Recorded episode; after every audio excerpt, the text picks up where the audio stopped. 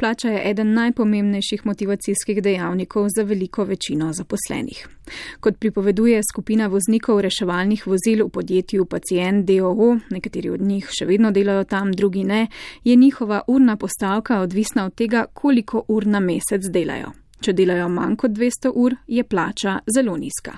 Plače so precej varirale.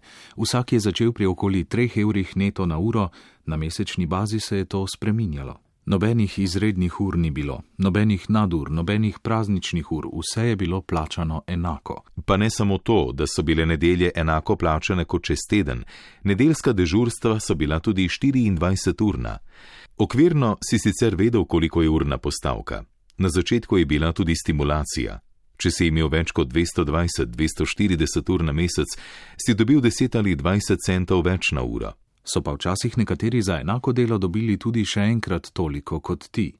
In če si šel vprašati, zakaj plača ni večja, je bil odgovor običajno: tako pač je. Sogovorniki vodstvu očitajo netransparentnost pri izplačilu plač. Mi smo vedno dobili dve plačilni listi. Konec meseca si šel v tajništvo, povedal svoje ime, ti je odprla omaro in dala list, ki je dejansko pomenil tvojo plačo. Število ur, plača, koliko je bila postavka ta mesec, koliko malice, koliko potnih stroškov, to je bil navaden list, ki je šel v uničenje takoj, ko si podpisal, da si ga videl. Potem si dobil kuverto z drugo, nerealno plačilno listo in na njej je bilo oziroma je navedeno bistveno manjše število ur, kot jih dejansko opravijo, pripovedujejo anonimni sogovorniki. Za pojasnila smo se obrnili na direktorja podjetja Romana Meška, ki pa nam je sporočil, da glede na to, da je vsaj zanj navednik trditev, anonimna oseba tega ne more komentirati. Je pa pripovedovanje več voznikov za nas pokomentiral strokovnjak za delovno pravo, docent dr. Luka Tičar z Ljubljanske pravne fakultete takšna praksa je, torej to je, bom rekel, kar strašljivo, ne? gre ne samo za kršitev delovne zakonodaje, ne? ampak tudi celo po mojem mnenju več, če bi se seveda postopki sprožili, ne? lahko gre za, za določene poneverbe, ki, ki je tudi kaznivo dejanje in tako naprej. Tako da absolutno mislim, tukaj je drugega reč kot to, da dvojnih evidenc glede česar koli ne, ne sme biti, plačni, torej pisni račun plače je izvršljivi naslov. Ne. Vsak delodajalec ga mora dobiti, ne. Eh, na podlagi tega se potem tudi to, to izplača. Zdi se mi, da, torej, da, da s tem, ko uničijo ne, ene dokumente za hipotetično kontrolo, pomeni, kot da jih ni bilo. Ne. Ampak seveda, če, če seveda so in če se bi to tudi lahko vse, vse z ustreznimi zlasti pričami uspeli dokazati, to seveda absolutno protipravno. Da postopek ni bil pravilno izpeljan, je prepričan tudi nekdani zaposleni, ki zadnje plače sploh ni prejel. Takole opisuje, kaj je sledilo, ko je dal odpoved. Tisti mesec sem bil nekaj na dopustu, en dan na bolniški, nekaj sem delal in vsega skupaj je bilo 192 ur z dopustom in bolniško skupaj. Moja plača za tisti mesec pa je bila enaka nič. Ozadje zgodbe je tako. Delodajalec je pred leti rekel, če grem delati spit za C kategorijo za tovornjak, ker smo imeli tudi rešilce za C kategorijo. Sem šel in potem je dal za podpisa čisto navaden list papirja, kjer je pisalo, da ne glede na to, kdaj preneham delovno razmerje, mu moram vrniti 1200 evrov. To ni bil ne aneks k pogodbi, ne nič, ni bilo v pogodbi to. No, potem pa pride ta zadnja plača. Že prej sem dal odpoved in čakal, kdaj bo plača. Ni bilo nič in sem poklical bivše sodelavce. Rekli so, da je plača že bila. Kličem potem še šefa in vprašam, kaj je bilo. Je rekel, da so to odtrgali zaradi C kategorije. Tri leta pa sem vozil s to kategorijo. Mislim, da to ni ravno prav. Potem mi je pa še rekel, da je boljše, če mi ne dajo zadnje plače, da bo on boljše prišel skozi, kot če mu moram posebej dati 1200 evrov. Sem se pozanimal v avtošoli in on je za nas plačal samo ure vožnje, kar je zneslo okoli 750 evrov. Sami pa smo si plačali zdravniške preglede, glavno vožnjo in teste. On je torej od mene hotel še malo zaslužiti.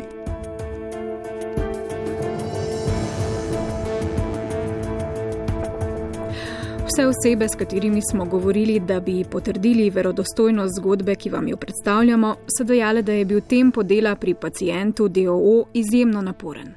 Si dejansko delal lahko vsak dan po 12 ur od ponedeljka do petka. Tudi če si delal recimo do 10 zvečer do polnoči, nima veze, si moral biti naslednji dan ob 7 uri zjutraj tam. V nočno si recimo prišel ob petih popovdan in te je dispečer klical ob treh, štirih, petih zjutraj in te poslal v München, na Dunaj, kamorkoli.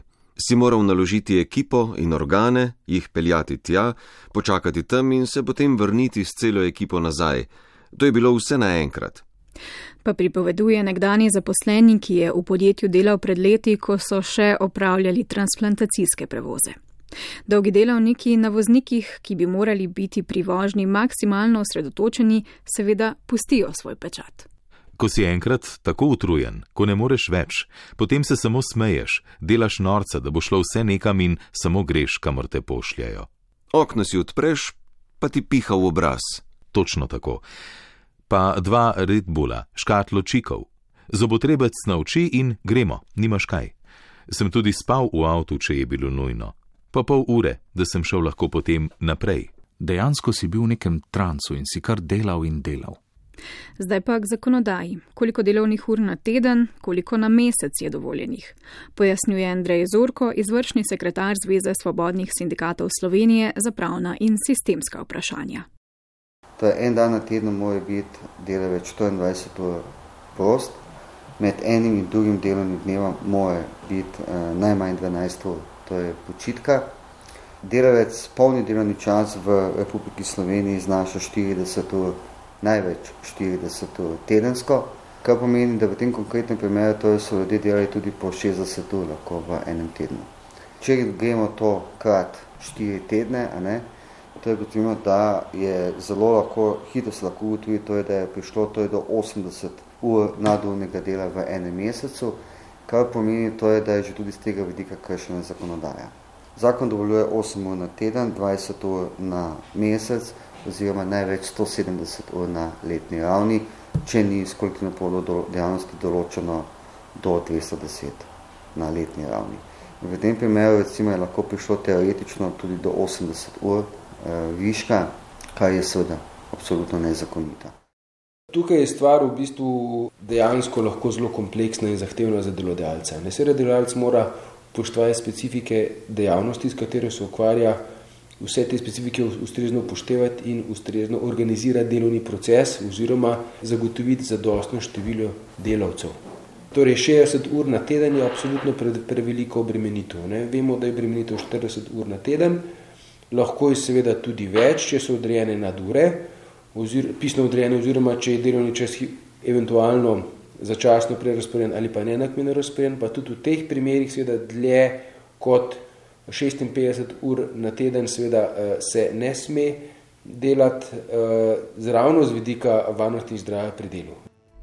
Pa pravi docent dr. Luka Tičar. Prav čudno, da ob takšnem tempu nismo imeli več prometnih nesreč, pa še dodaja nekdani voznik reševalnega vozila.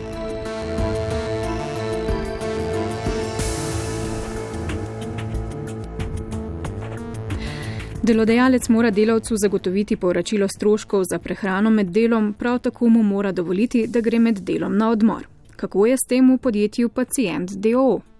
Ti nisi vedel, kje boš jedel malico, odredil ti jo je dispečer. Vedel si, da začneš ob sedmih, da boš malo po sedmi zvečer šel proti bazi. Kdaj boš pa ti jedel, kje boš jedel, tega ni vedel nihče. Če je bila gneča, so najraje videli, da sploh nisi šel jesti, da ne govorimo o časovnem obdobju, kdaj si šel na malico. Če ni bilo gneče, je bilo to lahko že ob desetih do povdne, da si potem šel lahko po ljudi, ki so ob dvanajstih končali z dializo in potem delali do osmih zvečer. Ali pa si šel jesti petnajst čez pet, da si pojedel do sedmih, ko je bila naslednja izmena. To so še dodatni stroški zraven. V Ljubljani ali Kočevju sem sposoben dobiti malico za 5 evrov, ampak kje druge? V Morski soboti v Kopru, ker ne poznaš terena, ne boš dobil malice za 5 evrov. In pa malice so od, do, od 11 do 14, recimo. Veliko krat pa smo mi jedli ob 3, 4, 5 popovdan. Tudi malice niso nikoli več plačali, samo eno na dan in okoli 2 evra. Kaj boš za dva evra? Še čokoladica več stane. Karikirano pove eden od nekdanjih voznikov. Tudi odmor, ki je načeloma namenjen malici, bi morali v podjetju urediti drugače, pravi Andrej Zorko.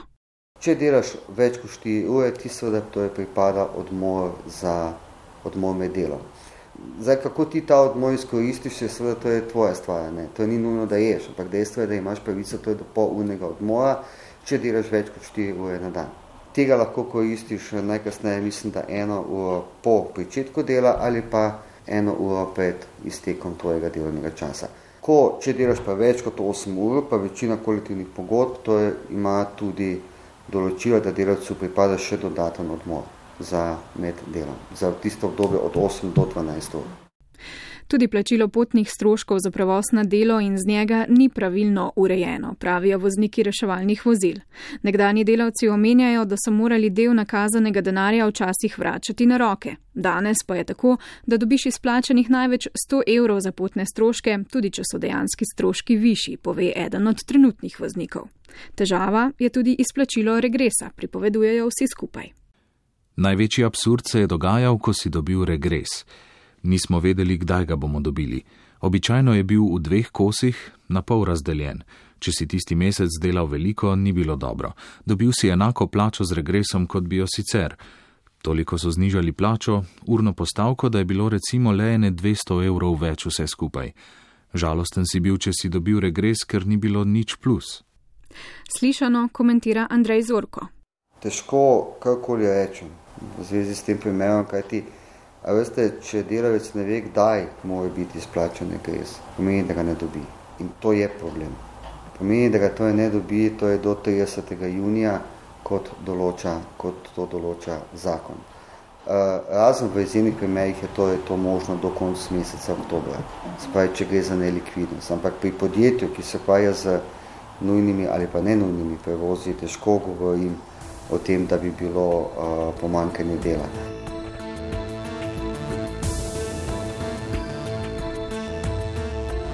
Dela ni manjkalo, pravijo tudi naši sogovorniki, anonimni nekdani in trenutni vozniki reševalnih vozil pri podjetju Pacient DOO.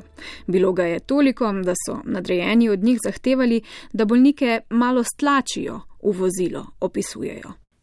Po pravilih več pacijentov skupaj ne bi smeli voziti. Tu se je vozilo po 3-4 v istem avtu. Tudi če je izredno pisalo, da je lahko samo en, to se ni upoštevalo. Smo delali prevoze iz Golnika po operaciji hrbtenice. Je bilo naročeno striktno prevoz leže. Mi smo delali prevoz na kardiostovčku, ki se naredi stov, da je leže, a načeloma to ni bilo prav. Ali pa si imel improvizirani dve posteli v enem rešilcu. Ta rešilec je imel namensko eno posteljo, oni so naknadno dali še eno notri. Ti nisi mogel iti vmes. Če bi nekdo bruhal med vožnjo ali kaj podobnega, mu nisi mogel pomagati, ker res ni bilo prostora vmes. Pomagati niso mogli niti, če so bili na vožnji sami in ne v paru. Nekateri so delali sami, drugi v paru. Ne moreš ti pacijenta v leže voziti sam, a se je zgodilo, da si moral sam peljati pacijenta, ki je ležal pa bil po možnosti še na kisiku. Je bil tudi kakšen primer, ko je oseba vmes med takim prevozom umrla v avtu. Vprašanje, ali bi bilo kaj drugače, če bi bila dva, morda pa. Je pa tako, da se naši pogovori z dispečerji ne snemajo in oni bi lahko brez težav rekli, da smo se sami odločili, da bomo šli na furo brez para. Kljub temu, da izbire v praksi niso imeli, še dodajajo sogovorniki. Če se je kdo pritožil ali zavrnil delo, je namreč sledilo naslednje. Vedelo se je, da če se boš utikal v delo, da boš dobil slabše fure. Si dobil samo kratke vožnje cel dan in si stalno nosil. Ja, en način kaznovanja je bil, da te je pošiljal po Ljubljani cel dan, a to tako, da te je pošiljal v bloke, ki so brez dvigala, da si nosil pacijente gor in dol, in tako cel dan. Teža pacijenta, ki sta jo dva v enem dnevu prenosila, je lahko bila tudi v tonah. Dvigovanje pretežkih bremen pa vodi do mišično-kostnih obolenj. Da do njih ne bi prihajalo, zakonodaja določa, koliko je dopustno dvigovati, pojasnjuje Slavko Krištofelc, direktor inšpekcije nadzora varnosti in zdravja pri delu na Inšpektoratu Republike Slovenije za delo, ki pravi tudi, da je premeščanje bremen rak rana slovenskih delodajalcev. Dviganje, premeščanje, porivanje, vlečenje, to vse smatramo pod premeščanje bremen. In če to delamo z fizično silo, z rokami, potem govorimo o ročnem premeščanju bremen. In zakonodaja z področja varnosti in zdravja pri delu določa pogoje, pod katerimi se to lahko izvaja maksimalna teža bremena, ki je opredeljena za različne starostne kategorije in za različne za oba spola, za moškega in ženskega. Poleg tega pa je eh, prošno premečanje bremen pogojeno tudi z oceno izvajalca medicine dela, v kateri prisodi, ali je določena oseba sposobna določene teže premešati ali ne. In pa pri tem je potrebno paziti tudi na enakomerno porazdelitev bremena na vsakega delavca, ki breme premešča. Če govorijo o moških delavcih, ki imajo v najboljših letih lahko premeščajo 55 kg, lahko hitro izračunamo, da to je absolutno preveč.